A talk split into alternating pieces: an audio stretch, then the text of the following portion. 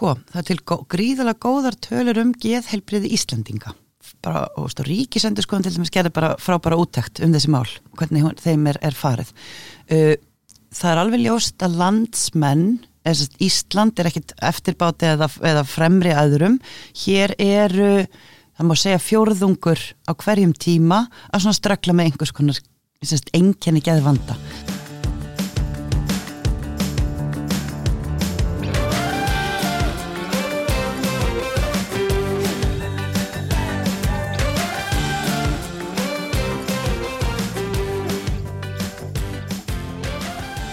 Komið sæl og verið velkomin í hlaðvarpstátt yðina fræslusetturs augnabliki einaði. Ég heiti Fjóla Haugstóttir og með mér í dag eins og ég fyrir þáttum er hann Sigurður Fjallar Jónsson, markastjóri yðinar. Í þættinum ætlum við að tala um geðheilbriðismál og við hefum fengið til okkar hana Helenu Jónsdóttur, stopnanda og framkvæmtastjóra mental, en hún er klínisku sálfræðingur með ára langar einslu sem slíkur. Vertu velkomin til okkar Helena. Takk fyrir kella og takk fyrir að bjóða mér að tala um þetta mikilvæga málefni. Ég ætla að fá að, að byrja og reyna að afmarka viðfangsefnin aðeins. Um, og ég er að velta því fyrir mér bara hvernig þú skilgrinir geð heilbrið, hvað eru við að fara að tala um? Já, þú byrjar ekki auðvöldistu spurningunni hérna, sko ástæðan fyrir að segja hún sé ekki auðvöld er svo að það eru til margar og mjög mismunandi skilgrinningar á, á geð heilbriði alþjóða heilbriðismálastofnun er með eina klínisku sálfræðingur út í bæi með þriði og svo eru þetta bara fólk sérfræðingar í einn geð þessu og skilgrinnir hana svo sem hver fyrir sig. Mér hefur svona verið tamast að tala um þetta sem einhvers konar samfellu. Það er að segja að geðheilbreið er ekkit eitthvað svona on-off ef ég má sletta. Uh, þetta er samfella sem næri allt frá því að við einstaklingur næra blómstra og út í það að vera í einhverju krísu og allt það er í milli og það gætna að tala um þetta sko þegar við blómstrum að þá erum við í þannig, lí, eh, hérna, þannig líðan og þannig hugar ástandi að við náum að nýta hæfilega okkur til fulls, við erum í fullir í virkni, við erum í framleðinni, í bæði vinn og engalífi, við stundum félagslíf, við náum að gefa af okkur og við náum að takast á við þar áskarunni sem að lífi býður okkur upp á.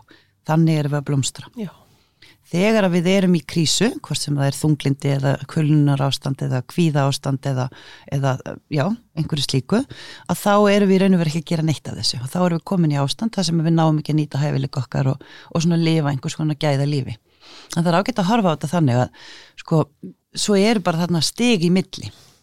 Við getum verið sko í krísu, við getum verið að svona ströggla eitthvað, við getum verið í ástandi þar sem við komum stað við getum verið í ástandi sem við finnum fyrir einhverju engjannum en við erum í svona fungerandi ástandi og nokkuð líður kannski ekkit frábælega og alveg út í það að vera blómstra þannig að sko e, þetta er ekki spurningum að vera bara annarkvart funglindur eða Nei, ekki já. Já. og ég held að sko ástæðan fyrir ég tala um þetta svona er svo að e, það er svolítið okkar þá að reyna að grýpa inn í og gera eitthvað áður með komin í krísu. Og það er þess vegna sem við langar ofta að tala um þetta sem samfellu.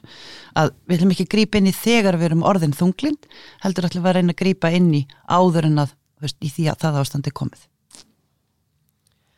Eru við almennt, almennt meðvituð sem samfélagi rauninni bara e, meðvituð um helbriðis, geðhelbriðismál og, og hérna eða er þetta eitthvað tapu sem við erum bara ekki að tala um á vinnustuðu? Já, sko ég held að COVID breytti rosalega miklu. Það setti uh, geð heilbriði einhvern veginn á dagskrá.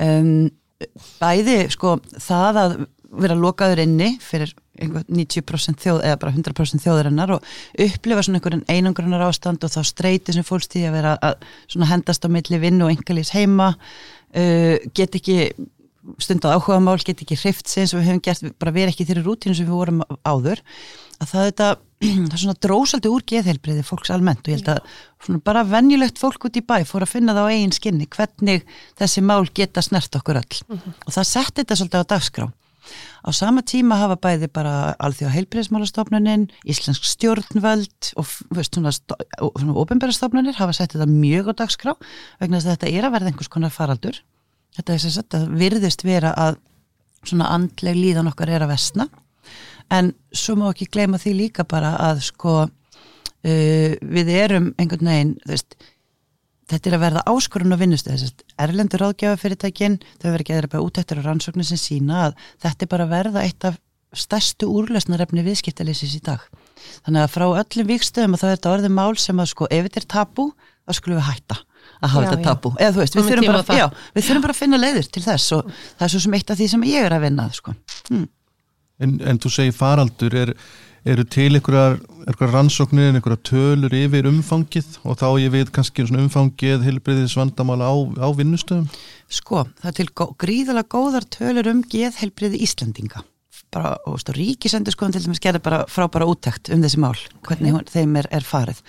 Uh, það er alveg ljóst að landsmenn eða Ísland er ekkit eftirbáti eða, eða fremri aðurum hér eru það má segja fjórðungur á hverjum tíma að svona strakla með einhvers konar einkenni geðvanda að tala um að 10-15% sé á hverjum tíma með geðvanda sem er farið að virkilega draga úr okkur og svo aðeins fleiri sem að sína bara enginni og svo eru þetta fleiri sem eru kannski einhverstað á þessari samfellu. Já, já. Uh, það má allt eins ætla að staðan sé alveg einsinn á vinnustöðum þó það hafi ekki verið rannsaka sérstaklega á Íslandi. Ástæðan fyrir ég ætla með það er að það er þannig erlendis. Að tölur út í þjóðfélögum erlendis þær eru bara þær sömu inn á vinnustöðum. Þannig að við vitum það bara að við ætlum að bera okkur saman vönnu lönd. Uh, það var gerðar ímsar svona úttektir hér heima, það er til dæmis nýran svona kulnun Íslandinga sem er fyrirtæki sem heitir prósentgerði, það er til vinnumarkaskannanir, það er til frábær rannsókn á verið um vinnu eftirlitsins held ég sem er svona um velíðan á vinnustað. Og allar þessar rannsóknir benda til þess að, að þetta sé algengt, veist, að, að sagt, starfsfólk alveg eins og bara við út í þjóðfélaginu að það er að ströggla og uh, hvers vegna veitum við svo sem ekki endilega, það, það er mismunandi auðvitað eftir fólki, en veist það, það er allavega svona öll gagg sem við, við höfum benda til þess að þetta sé vandi sem að vinnustæðinir er að kljást við og við sjáum bara, komum kannski betur að því og eftir að þetta kemur út bara í rekstri fyrirtækja. Já, það gerir það. Já, sko það er bara sérst, rannsóknir sína eða nei, íslenska tölur skulum byrja þar, uh, íslenska tölur sína að uh, þegar við töfum langtíma veikindi og örorku, að þá er geð hilsa eða geðvandi orðin algengasta orsök fjárfyrir frá vinnu. Og það gerist árið 2019 eða 20 að geð heilbriði tók fram úr stóðkerrisvanda í fyrsta skipti þannig að þetta er það sem við erum að kljást við Já, þetta er stórt vandamál sem er að koma. upp. risastórt Já, og við þurfum að fara í rauninni að, að setja svolítið meiri fókus á. Já, McKinsey gaf út, McKinsey er stort ráðgjöfa fyrirtæki Erlendis eða alþjóðlegt, gaf út svona daldið, hvað segir maður svona uh, game changing, ég veit ekki hérna, svona bara grein sem að breytti daldið umræðinni fyrir hvað, tveimur árum, það, það, sem þeir sagði bara berum orðum að það er bara bylting framöndan í þessum málum og að geð heilbrið á vinnustöðum er að verða stærsta úrlausnarefni stjórnenda og eigenda fyrirtækja. Hvers eðlis eru þessi geðhelbriðs vandamál? Er, hérna, er þetta á vinnustöðunum þá? Er þetta, er þetta þunglindi, kvíði? Hva, hvað við að tala um? sko þunglindi er með algengari sérst geðheilbriðis vandamálum, það er engin spurning það er alltaf talað um kulnun uh, íslenska þessi rannsók sem ég myndist á áðan hún bendir nú til þess að kulnun og þá er ég að tala um kulnun sem orðið sko geð ástand, ekki svona sem einhver já, ekki það ég sé eitthvað örmagna og mér finnst erfitt að komast fram ára mótnana, það sé bara orðið ástand það sem er sko ástæða til þess að raunverulega það þarf að grípa inn í Þannig að kulnun er kannski ekki jafn algeng og við heldum ekki í þeim mæli. Uh, já, þetta eru þunglindi og þetta eru kvíða vandamál ímiskunnar, svo þetta kulnun og streyta og svo bara öll þau geð vandamál sem eru til, sko. Ég, ég er að spá í til að skjóta þessi inn mér datt þetta bara allt í henni hug. Er þetta, er þetta mismundandi eftir tegund atvinnurekstrar? Að vinna á skrifstofu eða því að nú eru við náttúrulega tengist mikið yðnaðunum eða að vinna í, á bílavestæði. Er, hefur vist til þess að sé eitthvað svona munur á þessum eftir, eftir því hvers eðlis vinnustærin er Þetta er frábær spurning. Já, Uh, ég, já, já. Og Mjög bara- ánægð með nei, þessa og mjög- spurningu. Mjög Ég er ánægð með ánægð með þessa spurningu. Já, sko uh, í grunninn ætla ég að segja nei, það er ekki munur uh, geðvandi, hann fennir ekki manngreiningar álit og það er ekki eftir mentun eða, eða neinu slíku sem að við getum farið að ræða þessu Jújú, jú, við vitum að það eru kannski þeir sem eiga við geðvanda að stríða þeir kannski sækja síður í einhverja langt, það getur vel verið að sé einhver slíkur munur, en við sjáum þetta inn í öllum tegundum vinnustada, inn í öllum tegundum Já, bara hópa, það er engin spurning. Já, það settir hópar meira, sérst meiri vandi. Uh, Ungt fólk, meiri vandi. Og það er mjög áhugaverða neðustönd sem sína þess að setja og millennium kynnslóðir sem eru svona á eftir okkar kynnslóðir, við skulum setja okkur á í svona X-kynnslóðana sem er efri eða eldri, að það verðist vera að geðvandi, hann allavega samkvæmt rannsóknum, þá svarar fólk úr þessum millennium yngri kynnslóðum því frekar að þau við geðvanda að stríða. Það geta verið nokkra ástæði fyrir því. Þau hefa gengið í gegnum öðruvísi hlutin svo, svo kallar X-kynsluð sem hefur svolítið farið svona bara fallega í gegnum lífið. Þau gengur gegnum hrun og, og, og hérna hriðjöverka ára sér og annað slikt sem að við ólumst ekki upp við. Mm. Þau eru líka opnari og þeim, er, þeim finnst auðveldar að tjá sig og þau eru líka meðvitaðari. Þau hafa alist upp við allt öðru vísi. Já. Þannig að ég myndi segja aldur væri stóra breytan og þau eru líka sítengt, þau eru á, á netinu og, og það er væntalega geta alls konar hluti gerst. Sko það er algjörlega ljóst að því meiri tíma sem fólk eigður í símanum við eitthvað sem er ekki, það sem við skulum nefna svona með sotlum hróka uppbyggilegt. Uh, ef þú ert að horfa svona einhver þessum myndbönd og, og TikTok og allt þetta, það er alveg ljóst að fólk sem að eigður miklum tíma í þetta, það er verra til geðhilsunar svona allavega næstu já, já, og það verðist vera að það sé að svona uh, fæða svolítið inn í bara geðu vanda, það er engi spurning. Það verður meiri kvíði, það er meiri samanburður. Við erum minna að bara fyrst, fáinn áreiti sem er að tröfla okkur og vekja upp einhverjar hugmyndir eða neikvæða tilfinningar eða streitu eða veist, í staðan fyrir að við værum bara, já, eitthvað. Er, er hérna er þetta sko koma auga á á þessi vandamál eh, þegar þú komið upp í vinnunni og þá ég vil svona, getum að spotta þetta svona, mm. sem stjórnandi eða, eh, eða þarf að greina þetta? Nei, svarið á að vera já. Uh, sko það sem að alþjóða heilbreyðismálastofnunin er að sagt, svona, hvað við segja, mælast til og stóru ráðgjáfafyrirtækin og bara sálfræðingar og þeir sem koma að þessum málum í heiminum, þeir eru svolítið að mælast til þess að sko við þjálfum stjórnendur í að akkurat geta greint þetta að, að því þetta, við berum þetta ekki alveg utan á okkur, það að vera þunglindur það stendur ekki skrifað á ennið á mér Nei, og, og ég er, og svo erum við við erum ekki að blæina að tala um það þannig að, að stjórnendur þeir eiga erfiðar eða þeir hafi ekki fengið þjálfun með að spotta þetta. Uh, starfsumhverfi eða vinnuumhverfið á að vera sett þannig upp í dag samkvæmt alþjóða heilbríðismálastofnunum og svo stóru ráðgjafafyrirtækjum að stjórnendin á að vera þannig samskiptum eða sambandi við sitt starfsfólk að þannig að hafa tækifæri á að ræða þessi mál gefa fólki aðgengjaði sér, hann á að spurja hann á að stöðla því að umræðan verði opnari þannig að hann geti betur greint þetta eða spotta þetta eins og þú segir eða starfsmæðurinn leita til hans þannig að hægt sé að grýpa fyrir inn í Við vorum með mitt að spá í þetta út frá uh, vinnustæðamenningu. Er, er einhver svona tegunda vinnustæðamenningu sem að ítir undir? Ó já. Já, ítir meira undir kvíð og þunglindi og spennu og eitthvað svona Engin heldur en önnur. Engi spurning.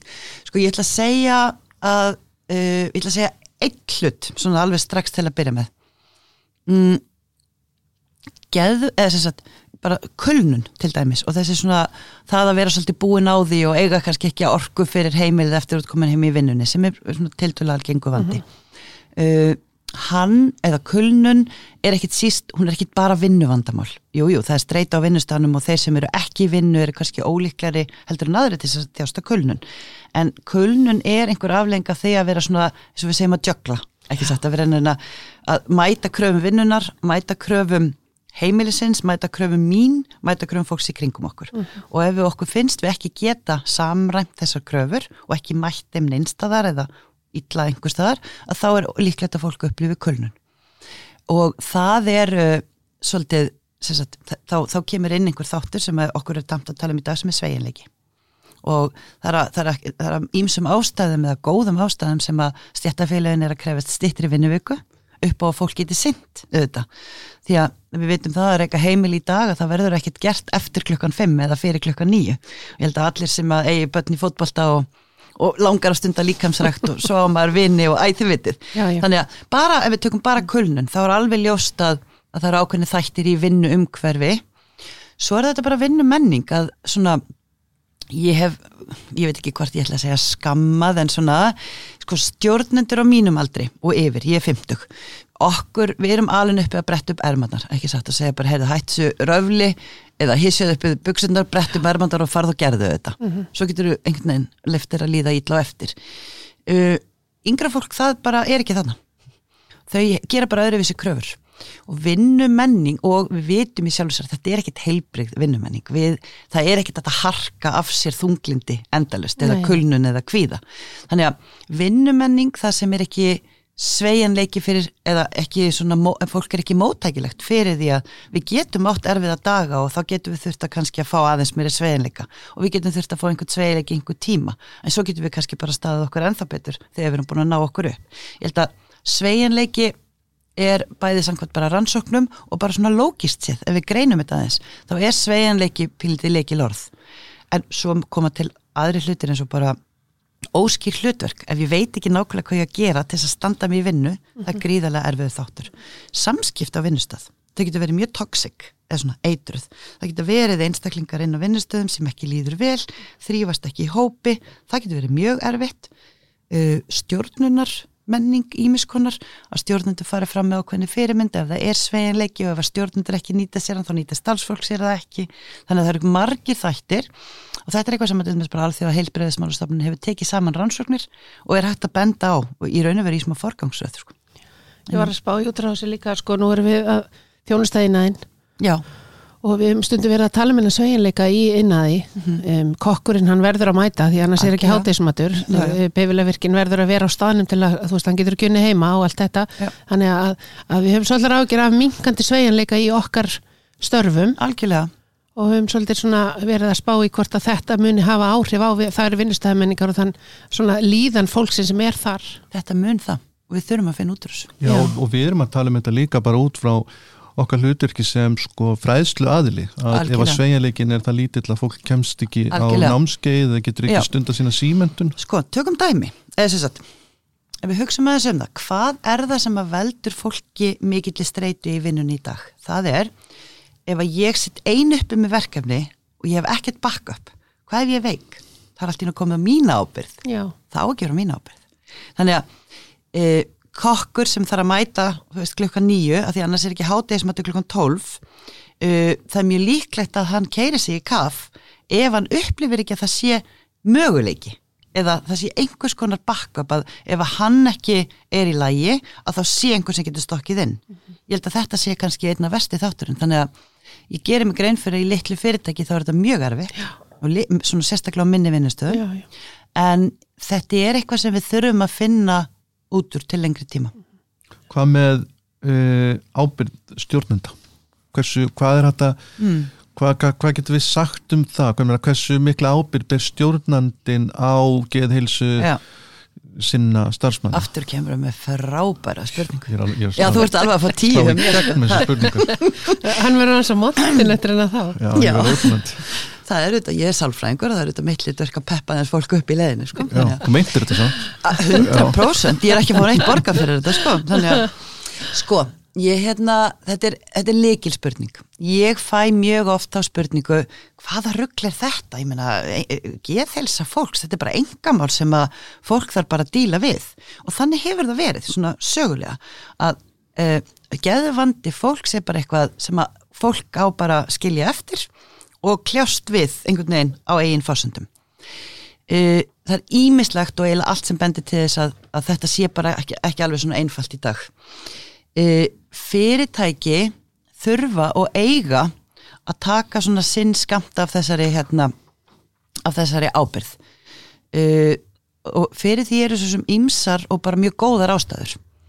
Ég get nefnt bara svona sem dæmi. A. Samfélagsábyrð Uh, þetta er vandamál sem við þurfum að kljást við á öllum vikstöðum. Ríkistjórnin er að gera sitt, heilbyrðiskerfið er að gera sitt, við sem einstaklingar erum að gera okkar og fóröldur okkar og allt þetta og þjóðfélagið.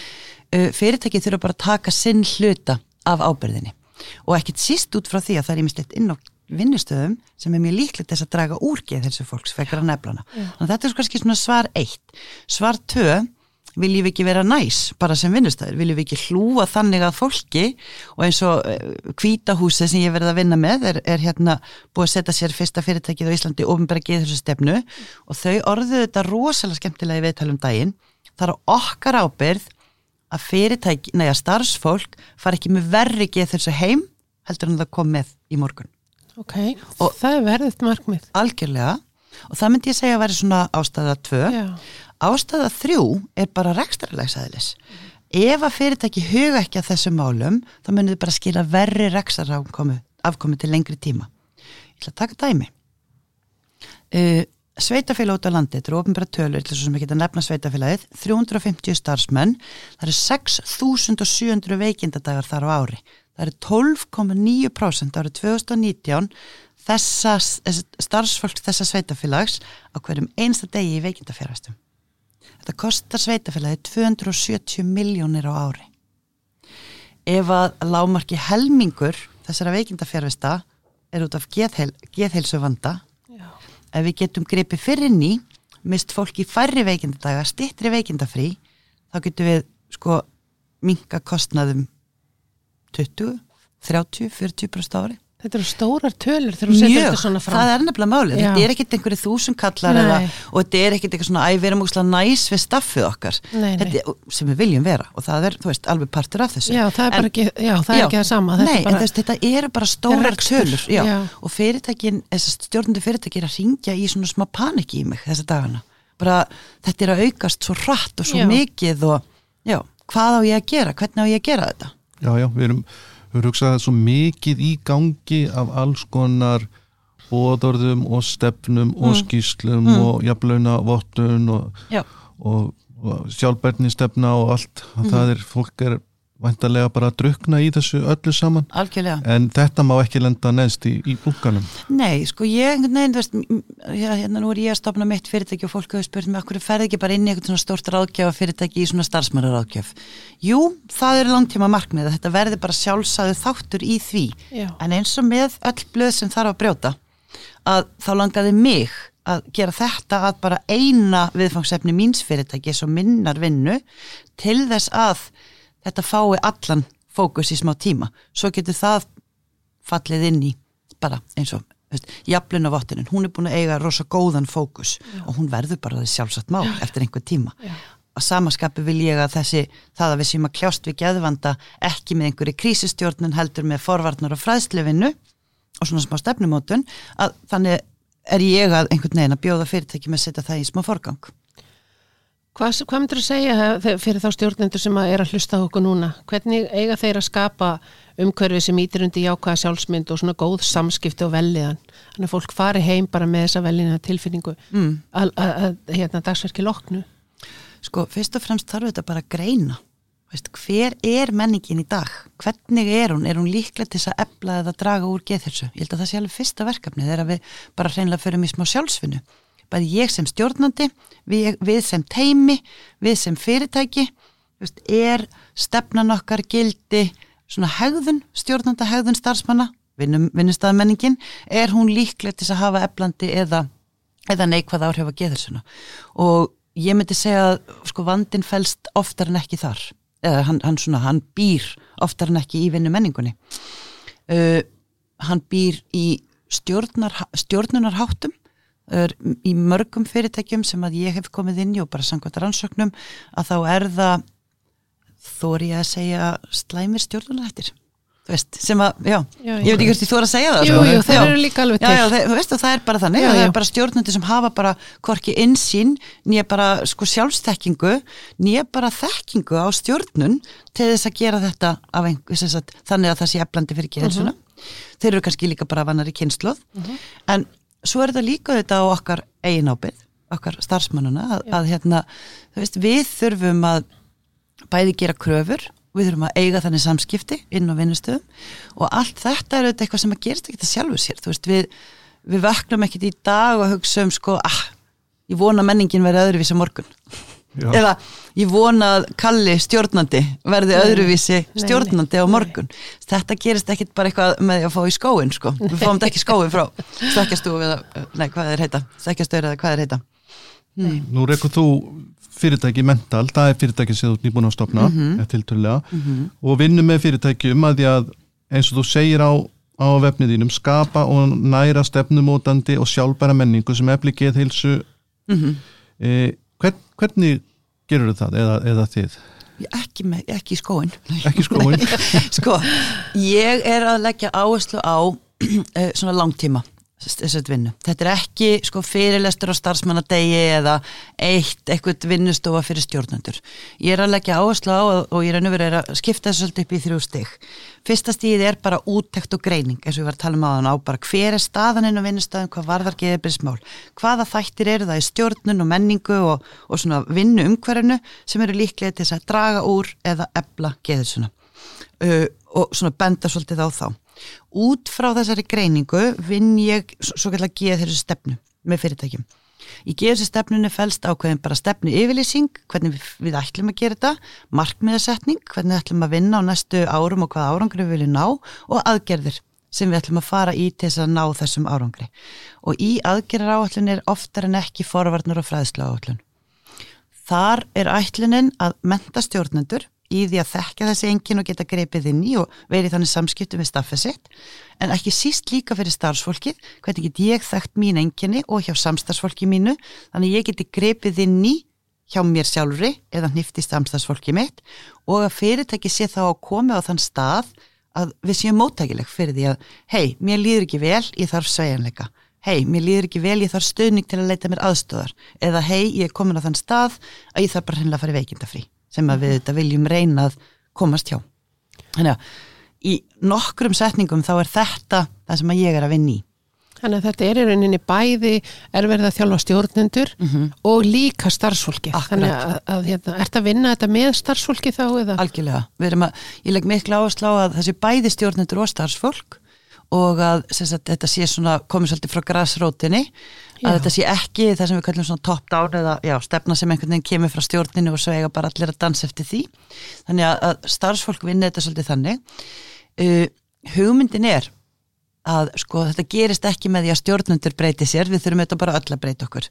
Við þurfum öll einhvern veginn að, að koma okkur í þann gýr að geð heilbriði sé ekki tabú að við getum rætt opinskátt um þetta að það að fótbrotna eða vera með þunglindi sé bara jafn gilt og að einhvern veginn uh, það sé ekki bara jafn gilt í sko hvað við segja, svona fordómanlega séð, já, já en líka jafn gilt í því að sko uh, ég þarf alveg jafn mikið á smá tíma að halda ef ég er fótbrotinn og kemst ekki út í slappinu að, eða snjónum sem er úti núna eða ef ég er með kvíða eða e, líður ekki vel og ég fá það kannski að vinna heima í 2-3 daga til þess að aðeins að taka mér tíma. Hvenær myndur þú segja að vera tímabært fyrir fyrirtæki eða stjórnendur að huga að þessum málum? Þú veist, er, er þetta, erum við að fara inn í þetta þegar allt er í lægi eða erum við að fara inn í þetta að við finnum ykkur að þörf og það er allt komið, svolítið komið í kless og við erum svolítið rætt um það? Sko, kom góða spurningi frá þér. Ting! ting, ting, það er samt tvö eitt. Ah, ég er að tapa þessu. Já, leik, leikurinn það er Hann er ójafn. Jók. Sko, þetta er, þetta er frábær spurning. Ég segja alltaf þegar það er allt í lagi. Þá er tilefni, höfst, til þess að huga að þessum málum. Vegna þess að þegar það er ekki allt í lagi, þá erum við eiginlega orðin of sein og þá erum við búin að missa fólki veikindafrí vantarlega. Og það er það sem við viljum sísta völlu að gerist. Uh, þannig að ég segi sko, höfst, ég held að sé ekkert fyrirtæki með þetta allt, allt í lagi. Ég kom inn í fyrirtæki á dögunum þar sem að ég held að einhvern veginn væri bara, já, þar væri allt í blóma lífsins, en það er bara nákvæmlega sama tala og allstaðar annars þar í þjófélagin. Það er þessi 10-15% sem er að kljást ekki að vanda. uh, s- sko, allt í himnalagi getur líka verið menning, það, menningin er það nærandi, en það er alltaf einn eða tveir, það er alltaf eitt stjórnandi, það er alltaf einhvert vinnufyrirkomulag, þannig ég held að við séum aldrei með þetta fullkomið. Það er alveg ljóst að mörg fyrirtæki eru komin með þetta í mjög góðan farveg af því að þau hafa tekið þetta mjög festum tökum. Já, já. Ég get eiginlega fullirt að hér að það er ekkert fyrirtæki með þetta í himnalagi sem hefur ekki tekið þetta festum tökum. Ef ég má gerast svo, svo hrókafull, sko. Já, já. Já. Já, þú vinnur í allan dag. þannig Já. að- Ég ætla svona að leifa mér að fullir það. Já, já. Nefna að það bara einhvern veginn sé náttúrulega svona opbáslega geð heilbriði styðjandi fólk að vinna þar, sko. Já, Þannig að, já. En er, er, er tilfellið allavega, ég hef það á tilfinningunni að fyrirtæki að stjórnendur fari fyrst að huga þessum málum þegar í óefni er komið. Klart, það er bara svo leiðist, því miður. Og sko, ég ætla ekki að segja að það sé að því þau hafi ekki haft áhuga eða vilja eða neitt, en ég heldur bara hafi ekki einhvern veginn átt að segja á því að það væri hægt og veit ekki hvernig og ég held að sé langt síðan að fyrirtæki áttu sig á því þau þyrtu vantilega að hissi upp þessu bögsnar miklu miklu fyrr. Uh, ástæðan fyrir ég segi það er bara eftir að ég fer af stað og ég byrja að tala um þetta og ég byrja að auglýsa og svona kynna mig að þá hefur helst yfir mig símtöl. Þannig að ég held að fólk hafi á ákveðin hátt verið að býða eftir úrræðinu. Veist, en, og, og eins og ég sagði á þann þeir eru sko stjórnendur að ringja mig í paniki bara hvað hérna, ok, geggjað. Hvað hva getur þú gert fyrir okkur? Já, já. að því þeir, eru búin að átt að sagði fyrir lengur síðan eða einhverju síðan að það þarf að grípa til einhver aðgerða en aðgerðarnar hafa kannski bara ekki verið til endilega, fólki hefur ekki haft tækinu tólun, Ertu að vinna með öllum stærðum af fyrirtækjum? algjörlega.